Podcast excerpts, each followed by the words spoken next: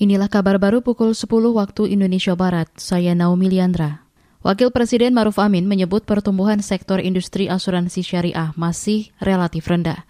Menurutnya pertumbuhan industri asuransi syariah tidak sepadan dengan waktu pengembangan sektor industri tersebut yang sudah berjalan cukup panjang. Sayangnya, peran penting asuransi syariah tersebut belum tercermin dari pertumbuhan asuransi syariah yang seimbang. Pangsa pasar industri asuransi syariah relatif cukup rendah menurut OJK sebesar 5,3 persen pada akhir 2021. Padahal pertumbuhan industri asuransi syariah sudah berjalan hampir tiga dekade sejak berdirinya industri asuransi syariah yang pertama yaitu asuransi syariah takaful pada tahun 1994.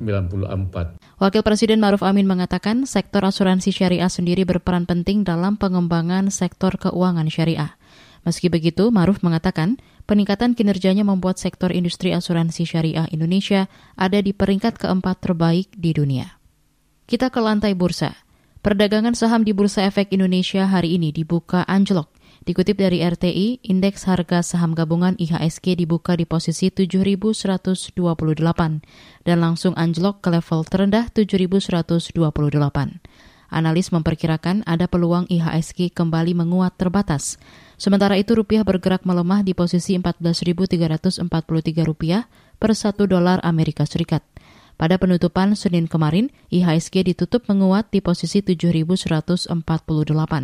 Sedangkan rupiah pada awal pekan lalu ditutup menguat di posisi 14.343 rupiah per 1 dolar Amerika Serikat.